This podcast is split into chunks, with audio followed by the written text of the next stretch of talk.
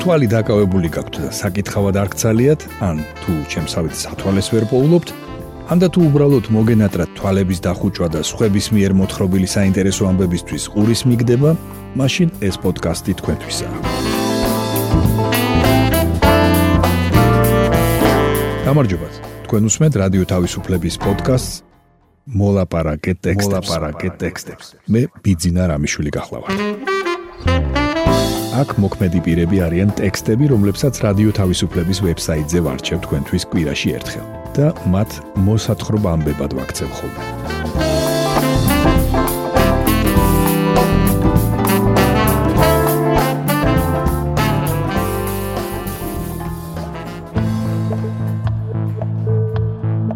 ვისაუბრებთ ვერტფრენ სუპერ პუმის შესახებ. მოგითხრობთ რისთვის დააჯილდოვა ვოლოდიმირ ზელენსკიმ ლანა ღვინჯილია. აგიხსნით რას ნიშნავს რეფერენტული ფასი წამლებზე. მოისმინეთ თორნიკე მანდარიას სტატია გაიცვლება ერთი სუპერპუმა სამ ვერტფრენში სანამ ბორჯომის ტყეში ხანძარს თურქული ვერტფრენების დახმარებით ებრძოდნენ, ქართული ოცნების ხელისუფლება 9 წლის წინანდელ პირობას იმეორებდა. გავყიდით სააკაშვილის დროს ფუფუნებისთვის ნაყით სუპერ პუმას და მის ნაცვლად სამ ახალ ვერტფრენს შევიძენთო.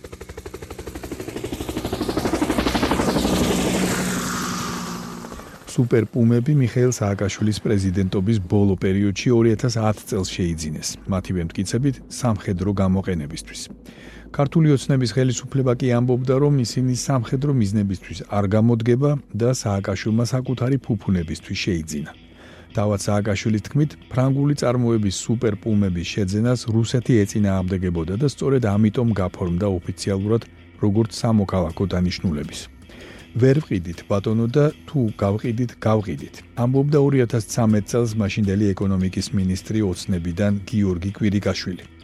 2017 წელს შინაგან საქმეთა სამინისტროში ამბობდნენ, რომ აწარმოებდნენ მოლაპარაკებებს ერთ-ერთი სუპერპუმის სამ სამაშველო ტიპის ვერტფრენზე გადასაცვლელად. ახლა ჯერი პრემიერ ირაკლი ღარიბაშვილზია. ის ამბობს, რომ რამდენიმე 10 მილიონ ევროდ ნაყიდ სუპერპუმებს უკან დაუბრუნებენ მწარმოებელს და მის ფასად სამ ახალ ვერტფრენს შეიძენენ. რა ფასად ცდილობს მთავრობა სუპერპუმის გაყიდვას? საკმარისია თუ არა 10 წლის წინ აყიდი ერთი სუპერპუმის გაყიდვით მიღებული თანხა სამი ახალი ვერტფრენის შესაძენად. თუ კი 2013 წელს ვერ გაყიდეს ვერტფრენი, რატომ გაყიდიან 2022 წელს? ამ კითხვებზე რადიო თავისუფლებამ პასუხი სახელმწიფო უწყებებისგან ვერ მიიღო. აღნიშნულ საკითხზე მიმდინარეობს მუშაობა. დეტალები მოგვიანებით გახდება ცნობილი, ნათქვამია ფინანსთა სამინისტროსგან მიღებულ მოკლე ოფიციალურ ტექსტურ შეტყობინებაში. ამას გავყიდი, იმას ვიყიდი, ეს არის თამაში. მთავარია იყიდონ და როგორ ამას არ აქვს მნიშვნელობა. ამბობს მოხალისე სამთო მაშველთა ასოციაციის დირექტორი მამუკა ნიკოლაძე. ის წლებია ცდილობს დაარწმუნოს ხელისუფლება სამაშველო ვერტფრენების აუცილებლობაში, თუმცა საგანგებო სიტუაციების სამსახურს ის დღემდე არ ხავს. 2021 წლის ბოლოს სასაზღვრო პოლიციას 12 შუღუმფრენი და 2 თვითმფრინავი ჰყავდა, მათ შორის 2 მირვა. ამ ვერტფრენებს ყველაზე ხშირად იყენებდნენ სხვადასხვა დანიშნულებით საზღვრის კონტროლის და მესაზღვრეების ტრანსპორტირებისთვის, ხანძრების ჩასაქრობად და მთაში ჩარჩენილების გამოსაყვანად. ჯერ კიდევ 2017 წელს, როცა ბორჯომში ხანძრის ჩასაქრობად საქართველოს მეზობელი აზერბაიჯანის და თურქეთის დახმარება დასჭირდა, პირველად დაიწყო მსჯელობა იმაზე, რომ ხელისუფლება დახმარებას აგვიანებს. იგივე განმეორდა 2020 წელს. როცა შატილის გზაზე მიკროავტობუსი ხევში გადაიჭრა.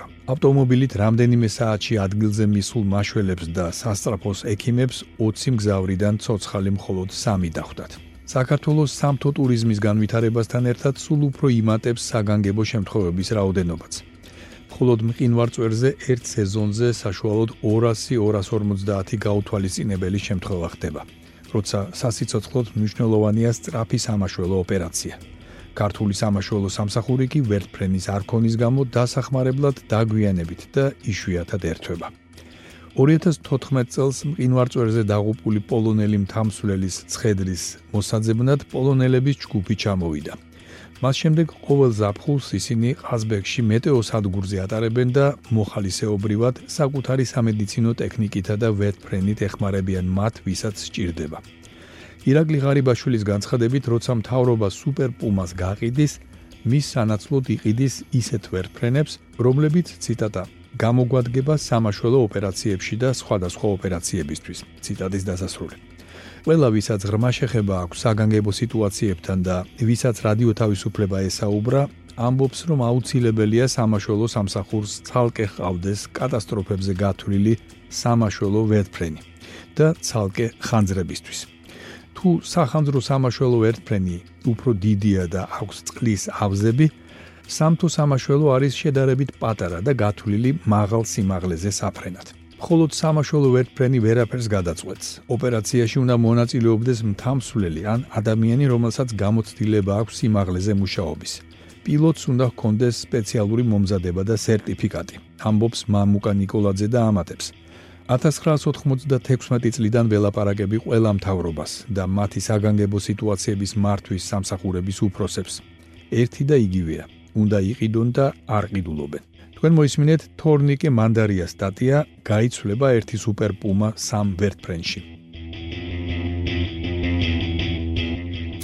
თქვენ უსმენთ პოდკასტს მოლაპარაკე ტექსტებს.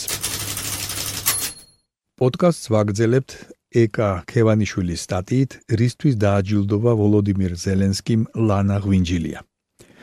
23 აგვისტოს უკრაინის პრეზიდენტმა ვოლოდიმირ ზელენსკიმ გამოსცა ბრძანება, რომლითაც უკრაინის წინაშე დამსახურებისთვის არაერთ ცნობილ ადამიანს გადასცა სახელმწიფო ჯილდო. მათ შორის არის ორი ქართველიც. წმინდა ოლგას მესამე ხარისხის ორდენით დაჯილდოვდა ანტისაოკუპაციო მოძრაობის ძალა ერთობაშიას გამგეობის წევრი ლანა ღვინჯილია. არასამთავრობო ორგანიზაციის პოპულუს რეის დამფუძნებელი და სააკაშვილის საპრეზიდენტო ბიბლიოთეკის განვითარებისა და საზოგადოებასთან ურთიერთობის ხელმძღვანელი.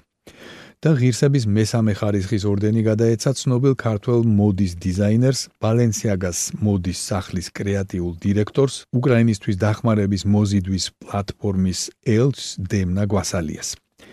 ოკუპაცია ის მთავარი მიზეზია, რის გამოც ლანა ღვინჯილია განსაკუთრებულად გულშემატკივრობს უკრაინელ ხალხს და ამ ქვეყნის მომავალს. ლანა სოხუმში დაიბადა. მას აფხაზეთში ბებიის სახლში ბავშვობის არაერთი წელი აქვს გატარებული. დღემდე ნამდვილი სახლის შეგრძნებაც იქაურობას უკავშირდება. აი ეს ვერ დავთმე ვერასდროს და ალბათ ეს არის ყველაფრის მიზეზიც და მამოძრავებელი ღირებულებაც.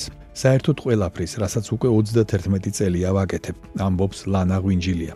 თუმცა იმისთვის, რასაც ლანა თანამოაზრეებთან ერთად უკრაინისტვის აკეთებს, ჯილდოს ნამდვილად არ ელოდა. ომის დროს დახმარების სურვილი ბუნებრივი მდგომარეობაა, ამბობს ის. თებერვლის შემდეგ და მანამდეც ლანას უკრაინის საელჩოსთან უკრაინულ არასამთავრობო ორგანიზაციებთან თითქმის უწყვეტი კავშირი აქვს. როცა 2022 წლის 24 თებერვალს რუსეთმა უკრაინაში ომი დაიწყო, ანტისაოკუპაციო მოძრაობის წევრების დიდმა ნაწილმა უკრაინაში საომრად წასვლა გადაწყვიტა. ამ 20-მდე ადამიანს სხვა მსურველებით შეუერთდნენ. ამ ამბავს ორგანიზება სჭირდებოდა. უამრავი დეტალი იყო გასათვალისწინებელი და მოსაგვარებელი.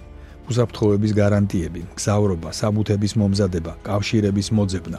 თელი მარტი გავათენე, იხსენებს ლანა ღვინჯილია, რომელიც ამ საორგანიზაციო საქმეებს აგვარებდა.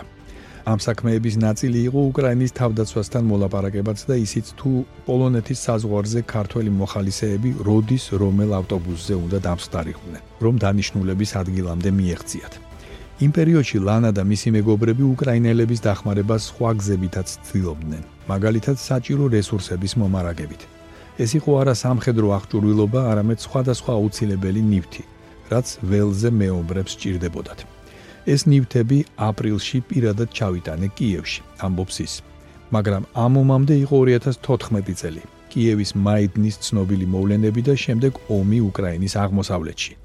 ლანა ღვინჯილია მაშინაც აქტიურობდა და თითქმის ყველა საპროტესტო აქციის თუ სხვა პროცესის ორგანიზებაში იყო ჩართული. როცა 2014 წლის თებერვალში მაიდანზე გასროლას პირველი მსხვერპლი მოხდა, მისი ორგანიზებით თბილისში აქცია გამართა, რომელიც CNN-ის ეთერშიც გავიდა. იმავე წლის აგვისტოში, როცა დონბასში რუსული ჯარი შევიდა, ისევ დავიწყე ფიქრი, რა გვექნა. როგორ გამოგვეხატა ჩვენი პროტესტი და სწორედ მაშინ გამეჩნდა პუტინის ფოტოს დაწვის იდეა აქციაზე. მახსოვს პარლამენტთან 200-მდე ადამიანი მოვიდა. ეს ვიდეოც მოხდა მაშინ CNN-ის საიტზე. 32000 ნახვა ჰქონდა. ამბობს ლანა. ამ მოვლენების შემდეგ ლანა ანტისაოკუპაციო მოძრაობის ოფიციალურად დაფუძნების იდეას შეუერთდა. ლანა ფიქრობს, რომ ალბათ სწორედ მისი ეს საქმიანობა გახდა მიზეზი, რატომაც აღმოჩნდა იმ ადამიანების გვერდით, ვინც ვოლოდიმირ ზელენსკიმ უკრაინის მხარდაჭერისთვის დააჯილდოვა. ეს ამბავი რომ გავიგე მხოლოდ მამიდა ჩემს უთხარი, საჯაროდ არაფერი მithქვამს. მოგვიანებით სიაც გამოქვეყნდა და როცა ამ სიას ჩავხედე, მართლა შტაბეჭდილების ქვეშ ვიყავი. ისეთი ადამიანების გვერდით ამოვიკითხე ჩემი სახელი და გვარი. ცხადია ეს სასიამოვნო ამბავია, უთხრა ლანა ღვინჯილიამ რადიო თავისუფლებას. დაჯილდოების შესახებ ზელენსკის მიერ ხელმოწერილ ბრძანებულებაში წერია, რომ ეს ჯილდოები სიაში მოხვედრილ ადამიანებს გადაეცემათ. სახელმწიფოთა შორისი თანამშრომლობის გამტკიცებაში მნიშვნელოვანი პირადი დამსახურებისთვის. უკრაინის სახელმწიფო სუვერენიტეტისა და ტერიტორიული მთლიანობის მხარდაჭერისთვის. სოფლიოში უკრაინის სახელმწიფოს პოპულარიზაციის საქმეში მნიშვნელოვანი წვლილისთვის. ზელენსკიმ სხვადასხვა ჯილდოთი 100-ზე მეტი ადამიანი დააჯილდოვა. მათ შორის ევროკომისიის პრეზიდენტი ურცულა ფონ დერ ლაიენი, ამერიკის შეერთებული შტატების სახელმწიფო მდივანი ენტონი ბლინკენი, ლიეტუვის რესპუბლიკის საგარეო საქმეთა მინისტრი გაბრიელიუს ლანცბერგისი, კომპანია ბაიკარ მაკინას გენერალური დირექტორი ჰალუკ ბაირაქტარი, ევროპის კომისიის ვიცე-პრეზიდენტი ჟოზეფ ბორელი და სხვები. ეს გახლავთ ეკა ქევანიშვილის სტატია რისთვის დააჯილდოვა ვოლოდიმირ ზელენსკიმ ლანა ღვინჯილია.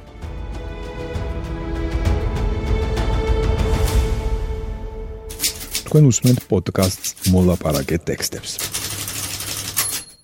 ახლა კი წაგიკითხავთ თეა თოფურიას სტატიას რეფერენტული ფასი წამლებზე. რას ნიშნავს და რას შეცვლის? მედიკამენტებზე ფასის დასაწევად საქართველოს მთავრობა ახალი წესების შემოღებას გეგმავს. დადგინდება რეფერენტული ფასი, რაც ხელისუფლების დაპირებით წამლებს უფრო ხელმისაწვდომს გახდის. რას ნიშნავს რეფერენტული ფასი? ესა მედიკამენტის გასაყიდი ან საექსპორტო ფასის ზედაზღვარი, რომელსაც სახელმწიფო ადგენს. როგორ გამოითვლება ზედაზღვარი? იმავე წამალზე სხვადასხვა ქვეყანაში არსებული ფასების მიხედვით. ყველა მედიკამენტზე დაწესდება ზედაზღვარი. ყველა ქვეყანას თავისი მიდგომა აქვს. ზოგი შედარებით მცირე რაოდენობაზე აწესებს ზედაზღვარს, ზოგი მეტზე. საქართველოს ჯანდაცვის მინისტრის ზურაბ აზარაშვილის განცხადებით, სამინისტროს ამ ეტაპზე მედიკამენტების ჩამონათვალი არ აქვს.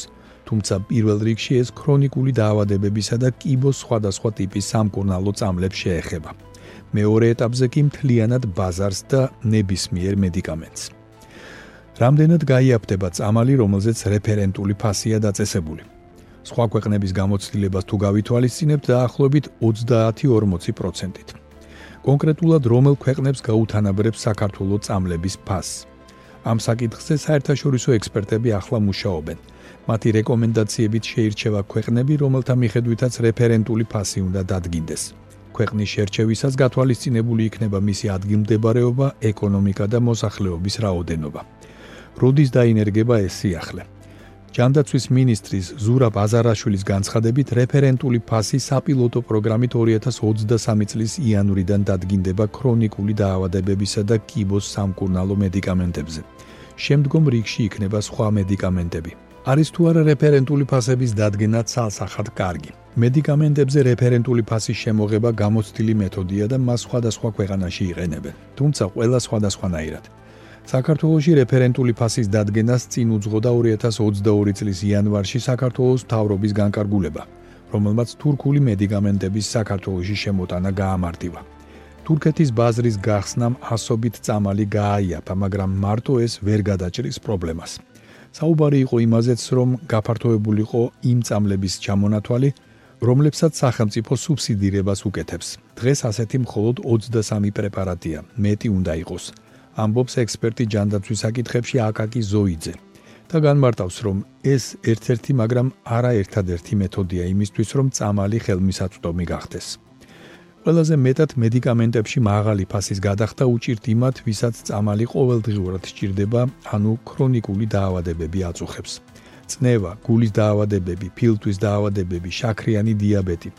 ნაწილს, მაგალითად, სოციალურად დაუცველებს სახელმწიფო მედიკამენტებს უფინანსებს, მაგრამ უმეტესობა ვერცერთ პროგრამაში ვერ ხვდება და წამალიც ისევ თავისი ფულით აქვს საყიდი. ზოგიერთ ქვეყანაში, მაგალითად მოლდოვასა და აზერბაიჯანში, სადაც რეფერენტული ფასი ყველა მედიკამენტზე შემოიტანეს, პრობლემები შეიქმნა. კომპანიებს წამლების დაბალ ფასებში გაყიდვა ხელს აღარ აძლევდა. ექსპერტი მიიჩნევს, რომ თუ სახელმწიფო ქრონიკული დაავადებების მქონე პირების ნაწილს მედიკამენტს უყიდის სუბსიდირებას გაუკეთებს, დანარჩენებს კი, რომლებიც პროგრამაში ვერ ხვდებიან მედიკამენტზე რეფერენტულ ფასს შესთავაზებს, კომპანიას ისევ ექნება წამლის შემოტანის мотиваცია. ეს გახლდათ თეა თოფურიას სტატია რეფერენტული ფასი წამლებზე, რას ნიშნავს და რას შეცვლის.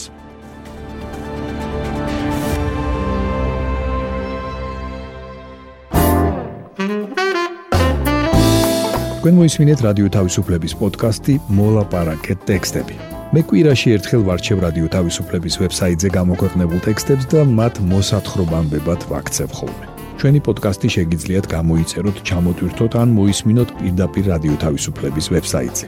მისი მისამართია თავისუფლება.ge.